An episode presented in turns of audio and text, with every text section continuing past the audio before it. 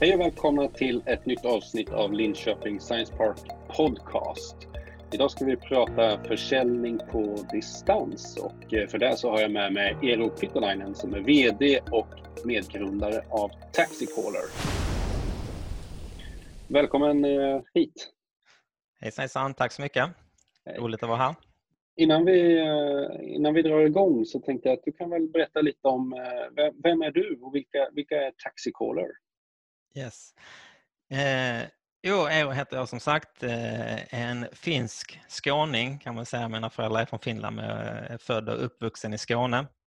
Har väl varit väldigt teknikintresserad i stort sett hela mitt liv eh, och pluggade till eh, civilingenjör i Lund eh, och sen så efter det så började min yrkeskarriär med att eh, eh, skriva sådana här eh, fysikmotorer till eh, datorspel Eh, och höll på med det i ungefär tio år, både som anställd och eh, genom ett eget projekt som, eh, som kraschade kan man väl säga att vi var tre kompisar som skulle skriva ett eget, en egen bilsimulator hade vi tänkt. Men som en av mina kollegor sa sen senare att vår fysiksimulering var mer realistisk än vår affärsplan så att det gick inte riktigt vägen. Eh, och sen så efter det så eh, när det projektet kraschade så jobbade jag som konsult ett litet tag på Sony Ericsson med mobiltelefoner. Eh, och hopp, slank sen in på, eller gled in på i datorspelsbranschen igen och jobbade på distans för ett engelskt datorspelsbolag och fortsatte skriva sådana här fysiksimulatorer. Eh, men när det avtalet löpte mot sitt slut så kände jag att jag, nu vill jag satsa någonting eget igen, på någonting eget igen och eh, bildade då Taxicaller tillsammans med min bror. Eh, och vad företaget gör då det är att eh, vi har sådana här eh, boknings och trafikledningssystem för taxibolag. Kort och gott att det är helt molnbaserat, att, så våra kunder signar upp runt om i världen och de använder vår produkt då för att driva sitt taxibolag Eh, och då är det allting liksom från att lägga in bokningar till att generera rapporter och så vidare. Så att vi är liksom en, den centrala mjukvaran då för taxibolagen som använder oss. Eh, och bolaget i sig eh, knappt 20 anställda som sitter här i Linköping i Mjärdevi. Eh, och då gör vi allting mer eller mindre inhouse från eh, produktutveckling, marknadsföring, sälj och support. Hur länge har ni varit igång? Jag började koda på eh, projektet redan 2009, lite sidan om liksom. Och sen så då när jag avslutade konsultuppdraget så har jag jobbat heltid på det från eh, slutet på 2010. Och sen så var det, när vi hade vår första kund på väg in så var vi tvungna att bli ett AB då, så att, eh, eller bli ett bolag. Så då grundades bolaget i slutet på 2011 helt enkelt för att vi hade liksom de första intäkterna på, på gång så blev vi formellt ett bolag då. Hur mycket omsätter ni idag? Förra året hamnade på eh, knappt 16 miljoner. Och era kunder finns eh, inte, det är inte lokala taxibolag här i Linköping utan det är helt andra platser som jag förstår det. Ja, det är lite utspritt över världen. Vi har ju dock eh, lite svenska kunder också. Nu har vi inte hittills valt att satsa så aktivt på den svenska marknaden, men vi har några stycken kunder i, i Sverige som har hittat till oss i alla fall, bland annat ett Linköpingsbolag som använder oss. Men annars är det eh, utspritt över i princip hela världen. Eh, med tyngdpunkt då på Nordamerika och Sydamerika har vi flest antal kunder, flest antal anslutna bilar eh, och mest intäkter ifrån. Men sen så finns vi finns i Afrika, Asien, Australien, Nya Zeeland också och Europa så att det är liksom verkligen utspritt över hela världen. Hur, hur tjänar ni era pengar? Hur ser er affärsmodell ut? Vi är ju ett renodlat sånt här software as a service-bolag. Att, eh, vi har utvecklat den här tjänsten då för att driva då taxibolag. I dagsläget så har vi då en licensmodell för det att eh, bolagen betalar helt enkelt per ansluten bil i månaden och vi kör nästan uteslutande med en sån här pay as you go-lösning så att det är liksom väldigt flexibelt, flexibelt och enkelt för kunden att eh, eh, använder de systemet mycket så betalar de mer. Använder, ansluter de inte lika många bilar nästa månad så betalar de inte lika mycket men i regel så är det ju liksom ganska stabilt. Har man x antal bilar så är de aktiva varje månad. Och Sen så har vi lite sån merförsäljning kring det som framförallt handlar om att eh, sälja såna här white-labelade bokningsappar. Att, eh, för om man ska säga den spelaren som liksom mest har ändrat taxibranschen det senaste decenniet så är det ju Uber som har gått in med liksom en helt annan affärsmodell. Mm. Att man egentligen tar bort trafikledningscentralen och kopplar ihop kund direkt med, med bilen. Och det har ju liksom satt en jättepress på taxibranschen över hela världen. De traditionella taxibolagen eh, som ofta då inte liksom spelar exakt enligt samma villkor eftersom det är andra regler om du kör taxi eller en sån här liksom ride-sharing-tjänst. Eh, men de försöker i alla fall då liksom fightas mot Uber genom att då köra med egna passagerappar, liksom egna bokningsappar för passagerare. Och då kan de liksom då köpa en sån här white label-lösning för oss att de får en egen app som fungerar ungefär som Ubers bokningsapp eh, men som är då eh, lablad och brandade enligt liksom deras, e, med deras egen logo och färger och så vidare. Men det är ett system? Ja, det är vårt system i bakgrunden. Liksom, och det går inte att använda den här appen utan att det backas upp av vårt system. Men de får liksom ändå betala en avgift för oss för att liksom, vi ska sätta ihop den här appen till dem. Har ni en stor eh, driftcentral här i Linköping där ni ser alla bilar som är uppkopplade i hela världen? Hur, liksom, hur driftar ni det här? Allting körs i molnet ju, så att det är Amazon Web Services som vi använder i stort sett uteslutande. Eh, och då är det ju Eh, och våra server är utspridda över hela världen och därför är Amazon väldigt tacksamt eftersom de har ju liksom eh, servercenter utspridda över hela världen. Då kan ju liksom ha driften för ett specifikt land ganska nära där de faktiskt är så då blir det ganska, låga, ganska låg latency och så vidare eh, för slutanvändaren. Men, eh, eh, men annars så liksom driftar vi allting då på, på distans eftersom allting kör i Amazon och då har vi lite liksom varningsmekanismer och vi kan få översikt av systemet, belastning på servrar och hur många bilar som är inkopplade och hur mycket fel som genereras i loggar och så vidare. Så att, eh, allt det där liksom har vi koll på på distans. Men vi har ingen, vi har ingen sån driftcentral att eh, någon liksom sitter på kontoret dygnet runt liksom och håller koll på att allting snurrar utan vi har ju dels liksom ett rapporteringssystem från, våra, från vår sån här first line eh, supportorganisation. Eh, eh, med tanke på att vi måste ha support dygnet runt eftersom vi är så driftskritiska för våra kunder. Och då har vi valt att outsourca den här supportdelen till eh, personer som sitter eh, lite utspridda i världen från Filippinerna, två i Europa och några stycken i Sydamerika som ger liksom sån här first line support till våra kunder som svarar på enklare supportfrågor. Eh, och de kan då liksom ringa upp någon som är är jour för tillfället eh, om någonting strular med systemet och sen så har vi också sådana här automatiska rapporteringssystem som pingar våra servrar konstant. Om eh, man inte får kontakt med någon server så blir vi uppringda av en robot som säger att nu strular någonting. Så att, eh, så att någon måste hela tiden vara standby. Mm. Men det, vi, det kan vi göra var, var som helst ifrån, liksom, att man kan ha laptop med sig i bilen om man ska vara iväg eller vad som helst. Men vi måste ändå ha att någon allting är online. För att, mm. Jag brukar säga det att om, om vårt system går ner i en timme så är det någon någonstans i världen som missar ett flyg. För att om taxin inte kommer och ska plocka upp dem i tid till flygplatsen kommer man missa check-in-tiden. Så det är väldigt, väldigt viktigt för oss att vi har en väldigt bra upptid. Och ta i trä att eh, vår historik har varit väldigt bra med det. Liksom, att vi har haft eh, eh väldigt få liksom, allvarliga avbrott eller liksom, längre driftstörningar. Själva kodbasen till det här, till ert system, är det, det är du och ytterligare några som har skrivit fram, eller hur? Eh, hur ja, vi, till? Ja, vi är ett eh, team som sitter här i Linköping som jobbar med produktutvecklingen. Så att från början så skrev jag allting själv. Eh, men sen 2013 så började vi anställa. Eh, så har vi varit ett, vi är inte ett jättestort utvecklingsteam, vi är fyra, fem pers som sitter och jobbar med det.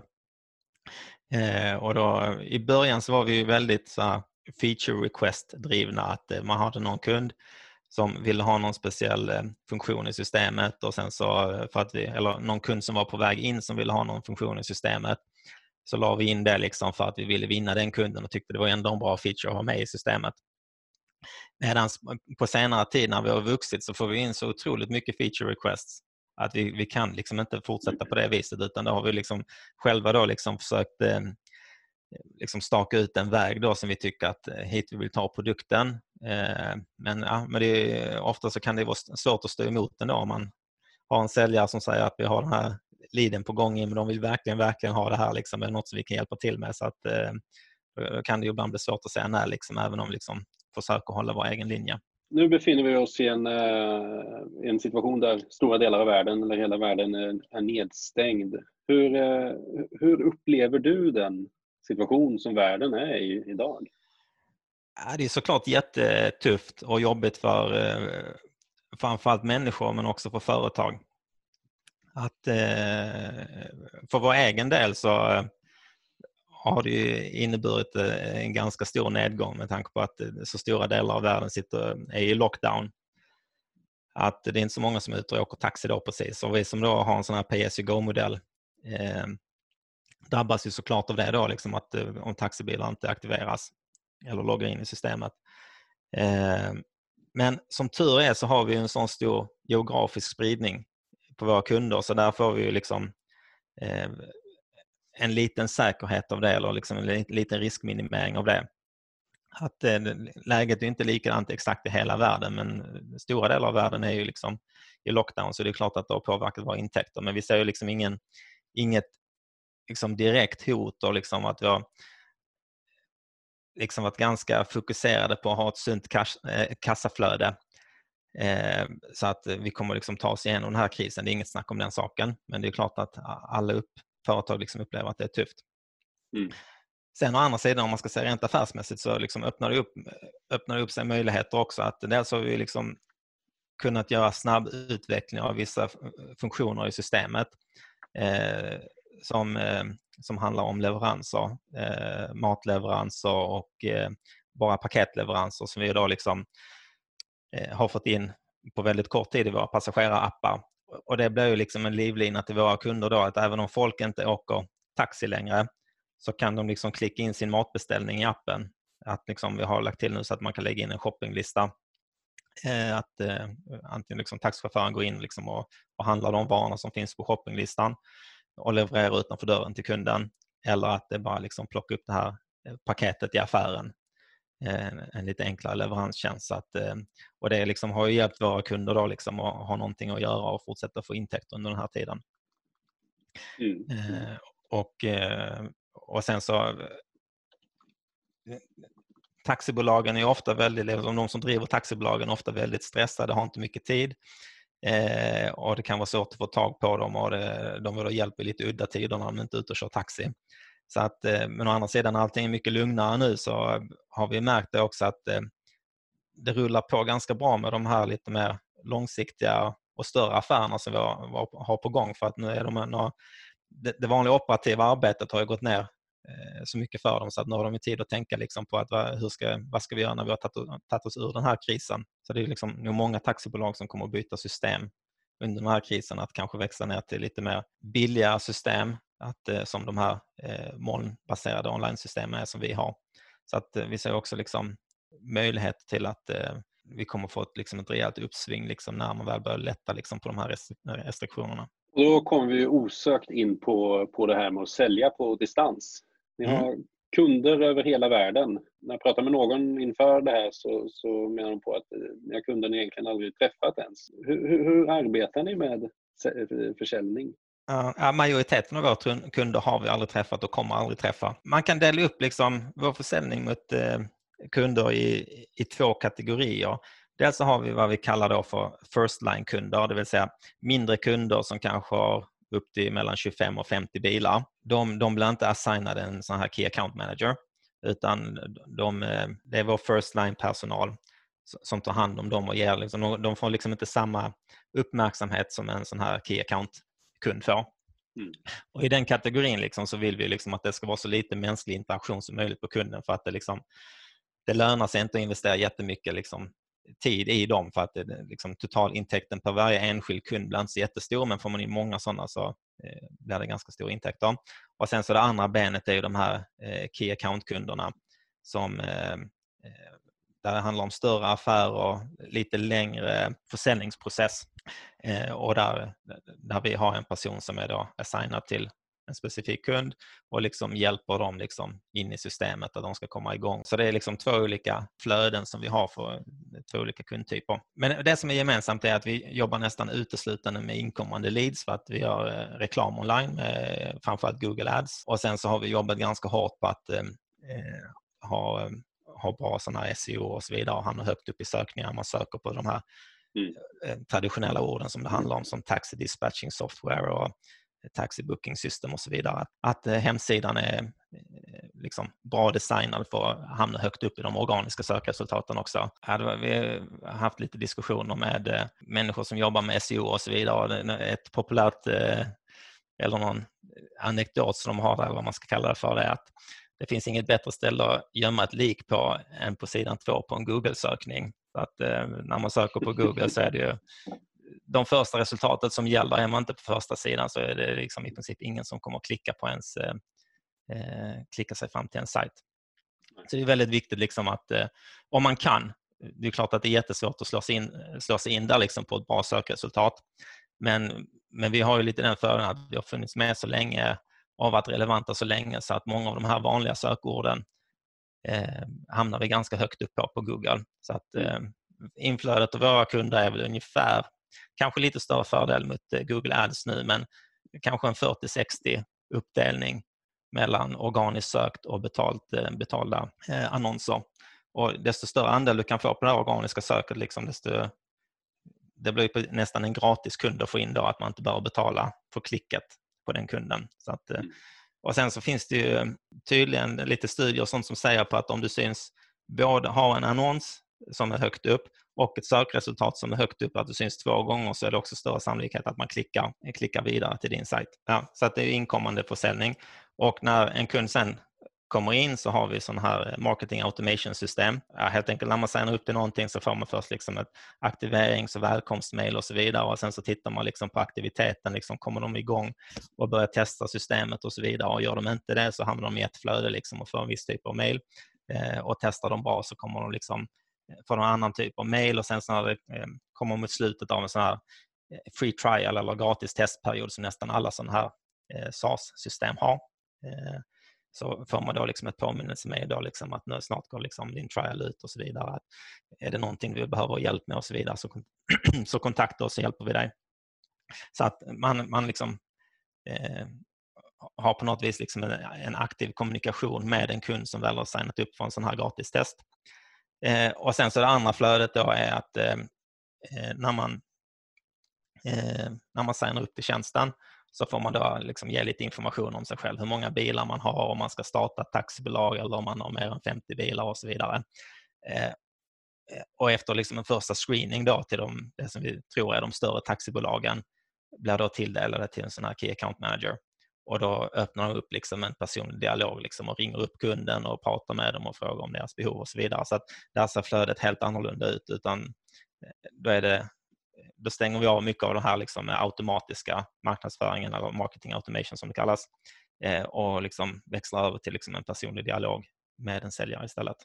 Just det. En mer traditionell bearbetning om än via distans eller videomöten eller så. Ja, så att, eh, och sen så är det ju framförallt då telefonsamtal som gäller, att, mm. eller eh, Skype-samtal, eh, liksom traditionella liksom säljmöten Eh, fast på distans. Då. Och, men de kunder som är eh, de inte jättestora kunderna, eh, där, är det, alltså där kommer ni så långt så att de är uppe och använder ert system utan att ni egentligen har haft någon som helst personlig kontakt med dem. Det är automatiserade mejl som går ut beroende på hur de agerar och de, de kan komma igång liksom utan, er, utan er hjälp. Ja, alltså, vi experimenterar lite där. Alltså att vi, vi hade ju länge den här tanken liksom att ska vi kunna skala upp det här riktigt mycket eh, så måste vi få till en process där vi, ingen människa pratar med dem under hela den här fasen. Men vi har börjat experimentera lite där och faktiskt ha viss mänsklig interaktion med dem. Men då är det inte en sån här eh, key account som ringer dem utan då är det någon från liksom vår first line supportorganisation där vissa personer är lite mer säljorienterade. Och då eh, har vi vissa, vi försöker ändå liksom ringa upp till allihopa liksom bara eh, eh någon form av liksom screening och få någon bild. Liksom att, eh, för alla, det är inte så att eh, eh, en sak som vi använder som urvalskriterium är att när man väl eh, signar upp, förlåt det blir engelska uttryck här men vi är så vana på allting är på engelska så att eh, när, när någon då ansluter sig till det här gratistestet eh, då får man ange lite information om sig själv, bland annat hur många bilar man har och det är liksom ett av de här grundkriterierna för att avgöra om det ska bli en sån här first time-kund eller en CAM-kund. Men det är väldigt många som anger helt fel där. Liksom, vissa anger en bil fast att de har ett 100 bilarsbolag. Så att vi vill ändå ha liksom en viss screening eller kontakt med en människa där. Liksom, för att de, även om de klickat i en bil men visar att de har 100 bilar så vill man såklart att det ska gå vidare till en kamp. Mm. Så att vi ringer upp eh, och pratar med dem. Eh, och sen så liksom försöker vi ge lite tips och hjälpa till och sen så har vi andra lite sådana här eh, triggers där liksom, liksom. Första gången de sätter in pengar på kontot, eh, alltså betala för någonting, då ringer vi också upp dem liksom och frågar om vi kan hjälpa till med någonting och så vidare. För att liksom de inte bara ska betala en gång och sen försvinna utan de verkligen blir liksom nöjda när de börjar använda systemet på riktigt. Så att, eh, så att det inte är helt automatiserat. Mm. I en drömvärld så skulle det kanske vara helt automatiserat men vi har kommit fram till att det funkar inte riktigt så utan eh, lite får man hjälpa till och, liksom pusha mm. även om det är mindre kunder. Är det, för att det, är det huvudsakligen just därför att det, det är svårt att få till det tekniskt så att säga eller finns det andra fördelar med den personliga kontakten också? jag tror nog att det finns andra fördelar med den personliga kontakten också. Ehm, att eh, de flesta människor tycker ändå att det är trevligt att prata med någon riktig människa som kan hjälpa en eh, med saker som man har problem med eller ställer frågor liksom, eller känna att det finns liksom en människa bakom eh, produkten och systemet som man använder. Eh, men sen även tekniska grejer för att eh, vårt system är otroligt komplext. Just att vi finns i så många olika eh, delar av världen Eh, är att man kör inte taxi på samma sätt i Sydamerika som man gör eh, i USA eller på Irland för den delen. att eh, det, det är väldigt mycket lokala variationer, framförallt liksom hur man delar ut körningar till förare.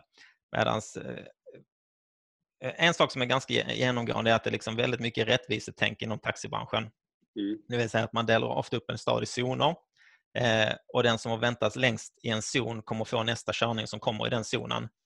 Så är det liksom eh, eh, traditionellt sett. Men det finns liksom variationer på det. Liksom, att vissa vill då att eh, man ska köra på sån här, om det är en bokning som kommer in från trafikledningen så ska man då köra på zonerna. Men det är en appbokning så vill vi att den ska gå till närmsta bil för att eh, när man bokar en bil i Uber så får du en, eh, eller bokar en resa i Uber så får du en resa på två minuter. Men om vi ska gå enligt liksom vårt zonkösystem så kanske det tar fem minuter innan vi kan få fram en förare. Så då går vi bara på närmsta bil ska skickas dit så att eh, när man bokar online att vi är konkurrenskraftiga mot Uber då. Så att det finns väldigt mycket sådana här liksom småsaker man kan ställa in i systemet och sen så kan man sätta upp tariffer eller taxor i systemet att, eh, som föruträknar då att om, om man gör bokningen från A till B så är den x antal kilometer lång, då kommer det kosta så här mycket.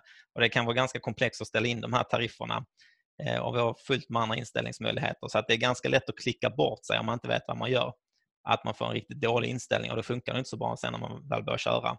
Mm.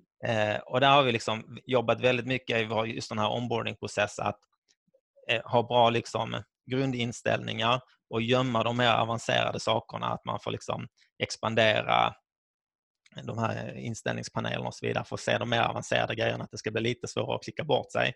Men eh, likväl så är det många ändå som, och där har vi en del att jobba på, liksom som när de väl sätter in sina första pengar i systemet så har de ganska dålig inställning eller liksom inställningar som eh, Eh, kanske inte funkar så jättebra. Och då vill vi liksom göra en koll då liksom att eh, det här kanske inte är så bra att ha det inställt på det här viset för det kommer att få de här effekterna. Eh, att vi hjälper kunder redan då. Annat än, för annars kanske de kör med det i två veckor och tycker att det här funkar inte bra. Liksom.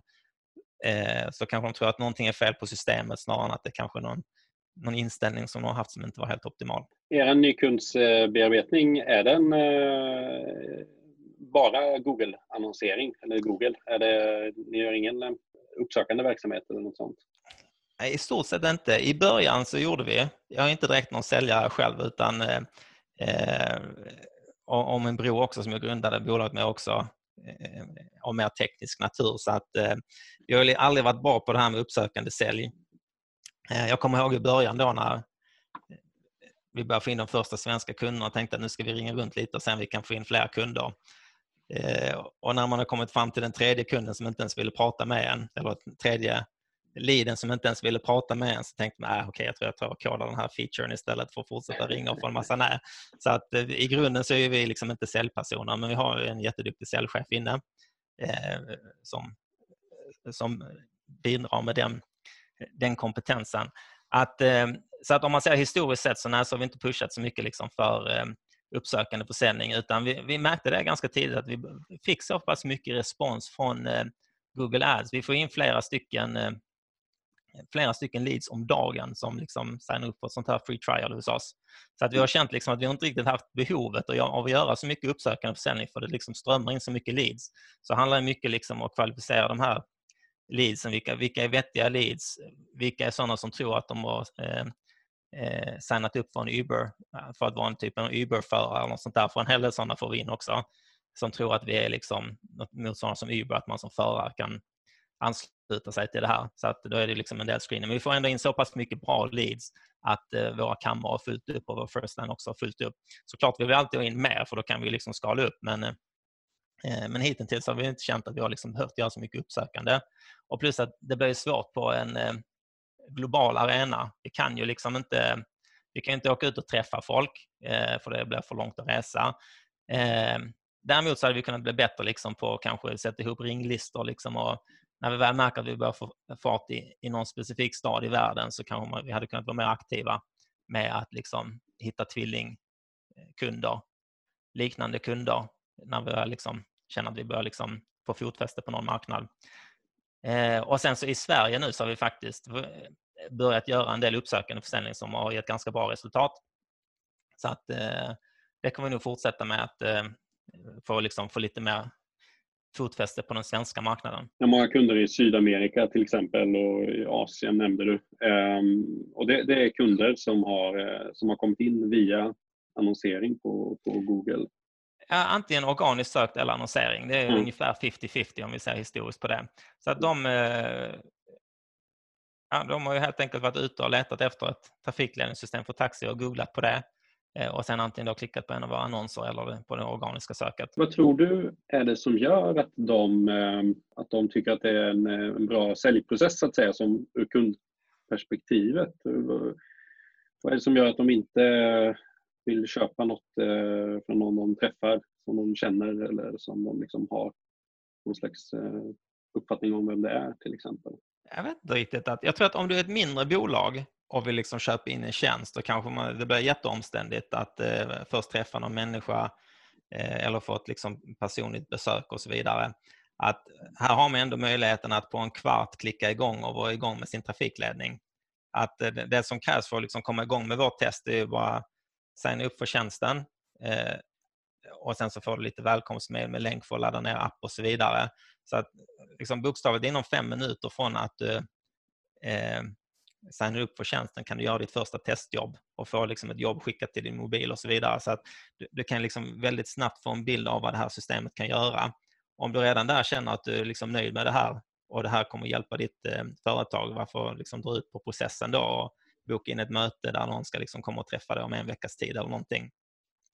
Så att jag tror att liksom i en värld där fler och fler blir mer datorvana eh, så, så tror jag liksom många vill testa själv, se om det här funkar för mig, om priset är rätt och då kör jag. Så att, mm. jag tror det, där får vi nog in en hel del. Eh, och sen så, jag, jag, tror att de flesta som ska köpa någonting idag googlar ju på det på nätet oavsett nästan vad man ska köpa.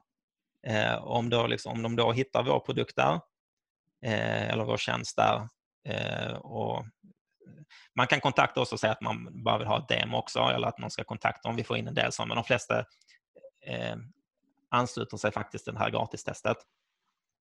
Eh, och när de väl har gjort det så blir man uppringd av oss.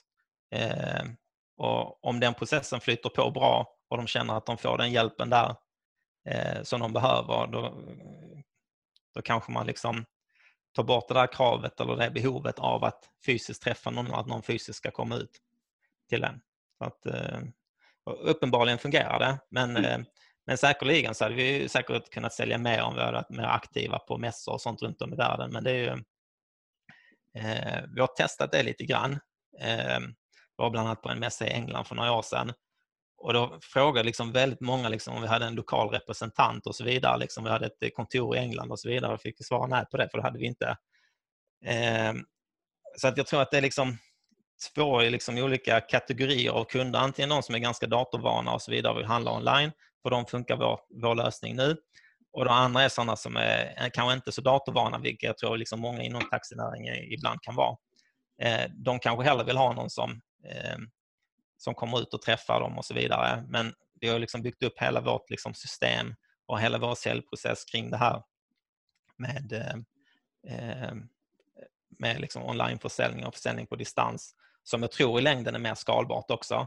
Annars hade vi fått lägga liksom en väldigt massa resurser liksom på att ha liksom lokala kontor eller lokala representanter med ett ganska begränsat uppsamlings, eh, eller upptagningsområde.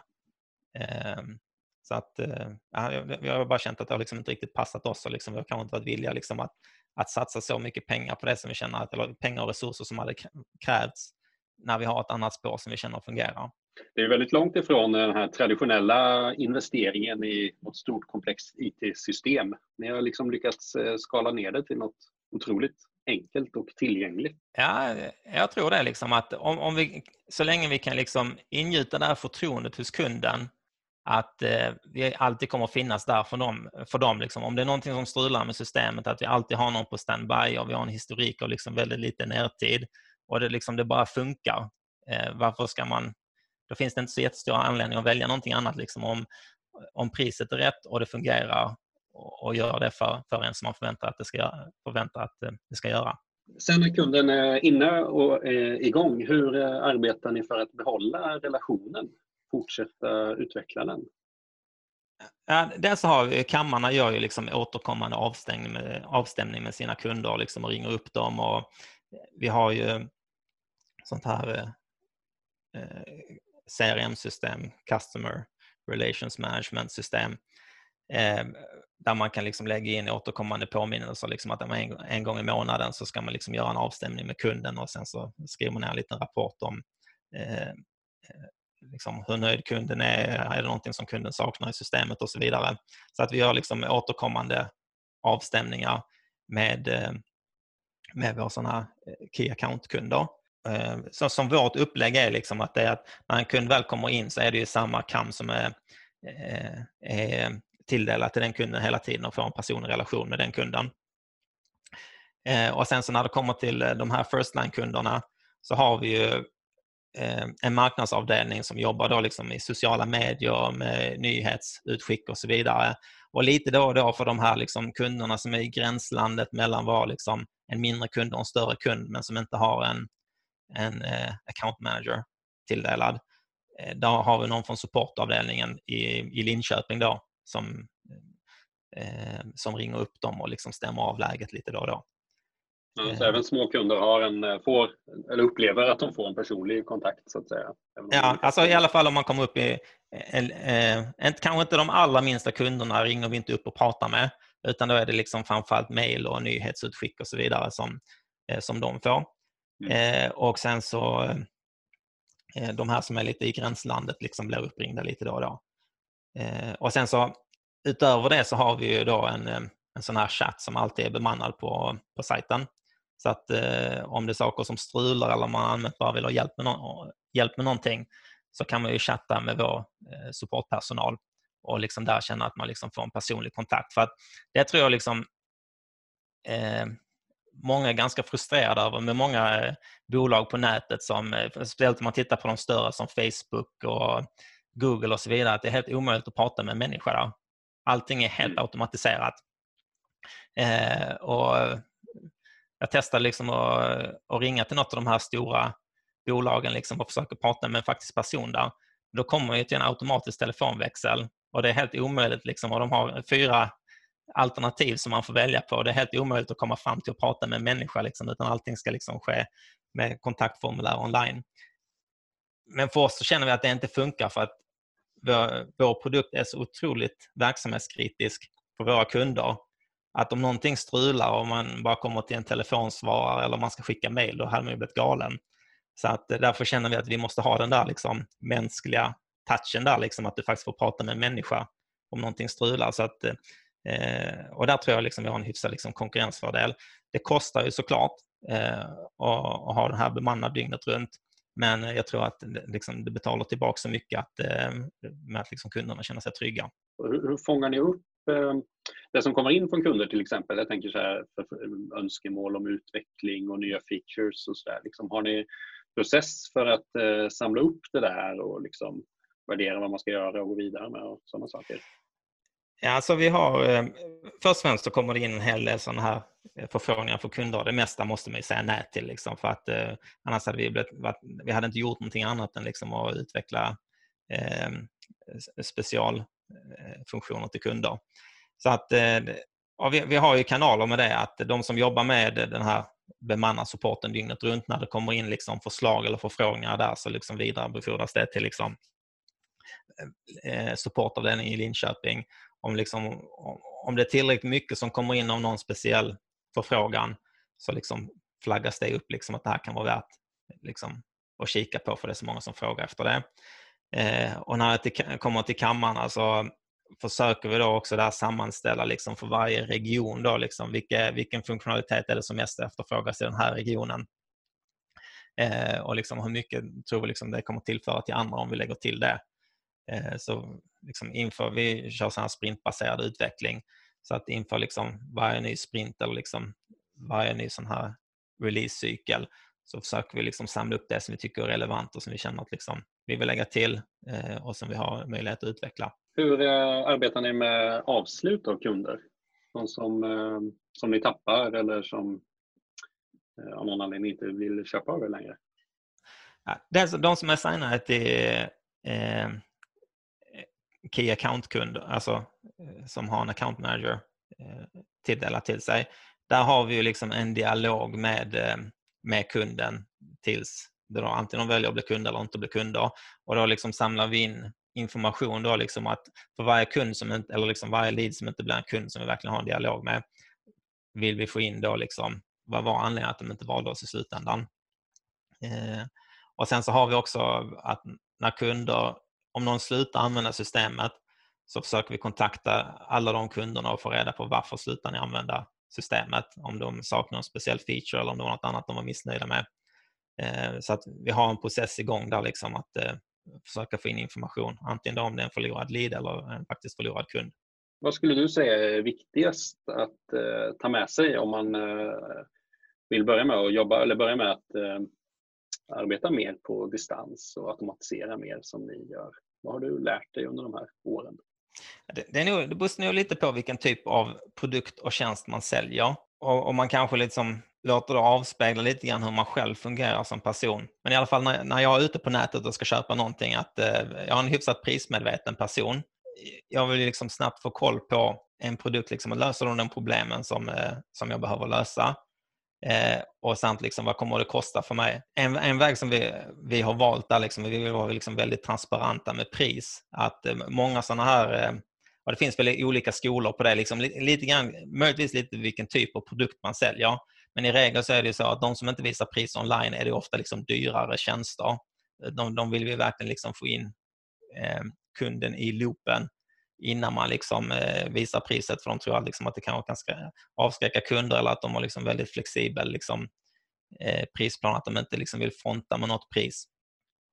Men, men vi har valt en linje liksom att vi liksom vill att kunden ska få snabbt en bild av vad det här kommer att kosta till dem, lösa det problemen och liksom, det är lätt att komma igång och börja testa och få en bild av om det här kommer att lösa mitt problem.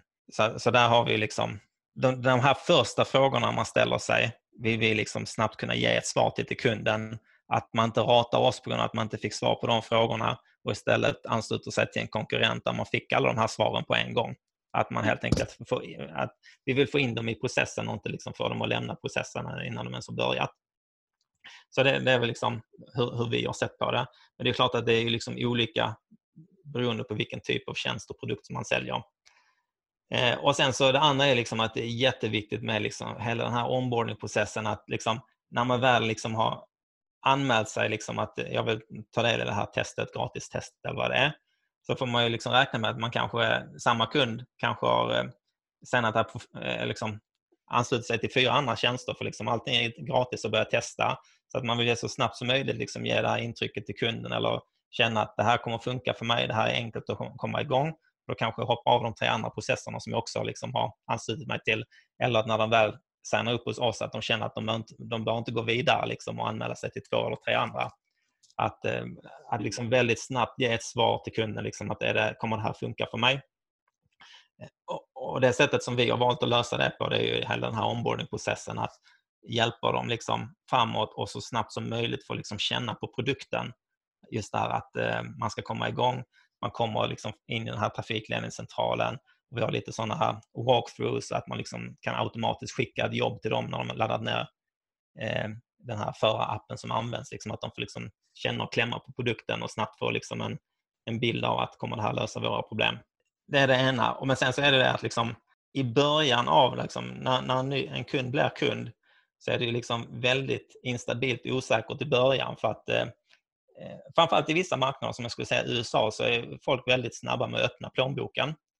Men de är lika snabba att hoppa av sen om de känner liksom att det här, liksom, det här löste inte mina problem. Så det är liksom väldigt viktigt att vårda eh, liksom den här kundkontakten eller liksom, eh, under de första månaderna. När kunden mm. väl har bett en betalande kund, de har kommit in, eh, så har vi liksom sett, om vi tittar på vår statistik, att eh, vi har en hel del som hoppar av under den här perioden för att eh, av någon anledning, och vi jobbar hårt liksom på det, liksom, att få reda på vad är det som gör att vi har en viss andel som hoppar av under de här första månaderna. Men sen ser att de har passerat tre månadersstrecket. Efter det så, liksom, så är de kunder i flera år. För att då har de liksom kommit in så pass mycket i systemet, de var nöjda med systemet och då liksom, finns det ingen större anledning för dem att byta. Men under den här liksom första tre månadersperioden som vi ser det så är eh, en väldigt liksom osäker period och, och, där jobbar vi liksom för att lägga krut liksom på att eh, de ska känna att de är nöjda med systemet, det funkar så som de förväntade sig, så att de går över den tröskeln liksom, och sen efter det kund i flera år. Ni har identifierat den kritiska perioden där liksom, och det då lägger man investeringen eller krutet där så, så ökar ja. chansen. Mm. Och, sen, så det, och det gäller framförallt liksom kanske de mindre kunderna som inte har då en eh, sån här key account eh, tilldelad till sig. Och för de större kunderna så tror jag liksom väldigt mycket handlar då liksom att och, och ingjuta det här att förtroendet, liksom att vi är ett seriöst bolag. Vi sitter inte i någon källare någonstans. Liksom. För att om du bara handlar online och aldrig liksom träffar eller ser de här människorna, då har du ingen aning om liksom, vad är det för bolag jag egentligen jobbar med. Eh, det hade ju lika bra kunnat vara liksom, någon som sitter i sin källare liksom, och, och driftar ett system. Så att eh, där jobbar vi ganska aktivt för att liksom få den här bilden. Liksom, vi jobbar i sociala medier Eh, och liksom visar vilka vi är som företag. Eh, och även att eh, ehm, vi har sett att det har ganska stor effekt med att ha videokonferenser. Att, eh, att vi har en säljare som sitter i vårt, vårt konferensrum med vår taxikal och logga i bakgrunden. Att det ingjuter det förtroendet liksom, att vi är ett seriöst bolag. Liksom, att det är inte det är inte någon som sitter i sin källare. Eh, så att eh, det skulle jag säga liksom är, är väldigt viktigt att liksom förmedla den bilden och informationen, liksom, att det är ett seriöst företag man har att jobba med. För den, den biten är mycket svårare att bygga upp om du inte, liksom inte kommer ut och träffar någon på plats. Om vi eh, blickar framåt. Vi befinner oss ju just nu i en väldigt speciell situation som vi varit inne på. Och du pratade innan om hur ni till exempel har eh, ställt om lite och byggt in nya features för att kunna erbjuda eh, kunderna nya tjänster. Vad, vad tror du, vart befinner sig ni om, eh, om tre år? Vad, vad, tar ni med, vad kommer ni ha tagit med er från coronakrisen då, tror du? Om man bara spånar lite helt utanför. Jag tror att tyvärr så kommer det väl bli så att eh, resandet kommer ju förmodligen vara påverkat i liksom ett eller två år kanske framåt i tiden. Och det är ju klart att det är negativt för vår bransch. Äh, nej, jag vet inte, det är jättesvårt att säga. För, för, för vår egen del liksom så, så jobbar vi liksom för att liksom blicka förbi den här krisen som hela världen är i nu. Liksom, att, eh, eh vi har liksom, som sagt lagt till de här features som vi kan göra för att liksom hjälpa våra företag i nuläget. Eventuellt så kan vi liksom spinna vidare på det sen framöver liksom, och, och bredda kanske vårt liksom, produktutbud en del för att liksom, bli mer leveransorienterade om det är så nu att liksom, taxiresandet generellt liksom kommer att gå ner, eh, minska eh, över en viss tid framöver. Att vi kanske får liksom, eh, bredda vårt produktutbud lite grann liksom och kanske bli lite mer leveransorienterade. För om man ser liksom kärnan i vårt system, det är ungefär samma grundproblematik som måste lösas. Att eh, du ska ta någonting från punkt A till punkt B. Sen om det är en människa eller ett paket har inte jättestor betydelse, man bara just ser hur vår produkt är uppbyggd. Så att eh, givetvis så är vi väldigt hårt investerade i och vi gillar liksom verkligen liksom persontrafiksbranschen och kommer fortsätta liksom satsa hårt på det. Men eventuellt att det kommer en viss öppning att liksom eh, kunna börja jobba mer liksom med budtransport och paketleverans och så vidare. Liksom, eh, där man med liksom ganska små ändringar i, liksom, i kärnan i vårt system kan liksom få ett liksom, helt nytt produktutbud. Ja, vi får eh, fortsätta följa er eh, spännande resa och se vart vi eh, landar. Stort tack för att du tog dig tid att vara med i vår podcast. Yes, tack så mycket själv. Det var jätteroligt att vara med och jag hoppas att någon kan få ut lite information av det här som kan hjälpa dem kanske eller få lite insikt i hur, hur, hur vi har jobbat med distansförsäljning.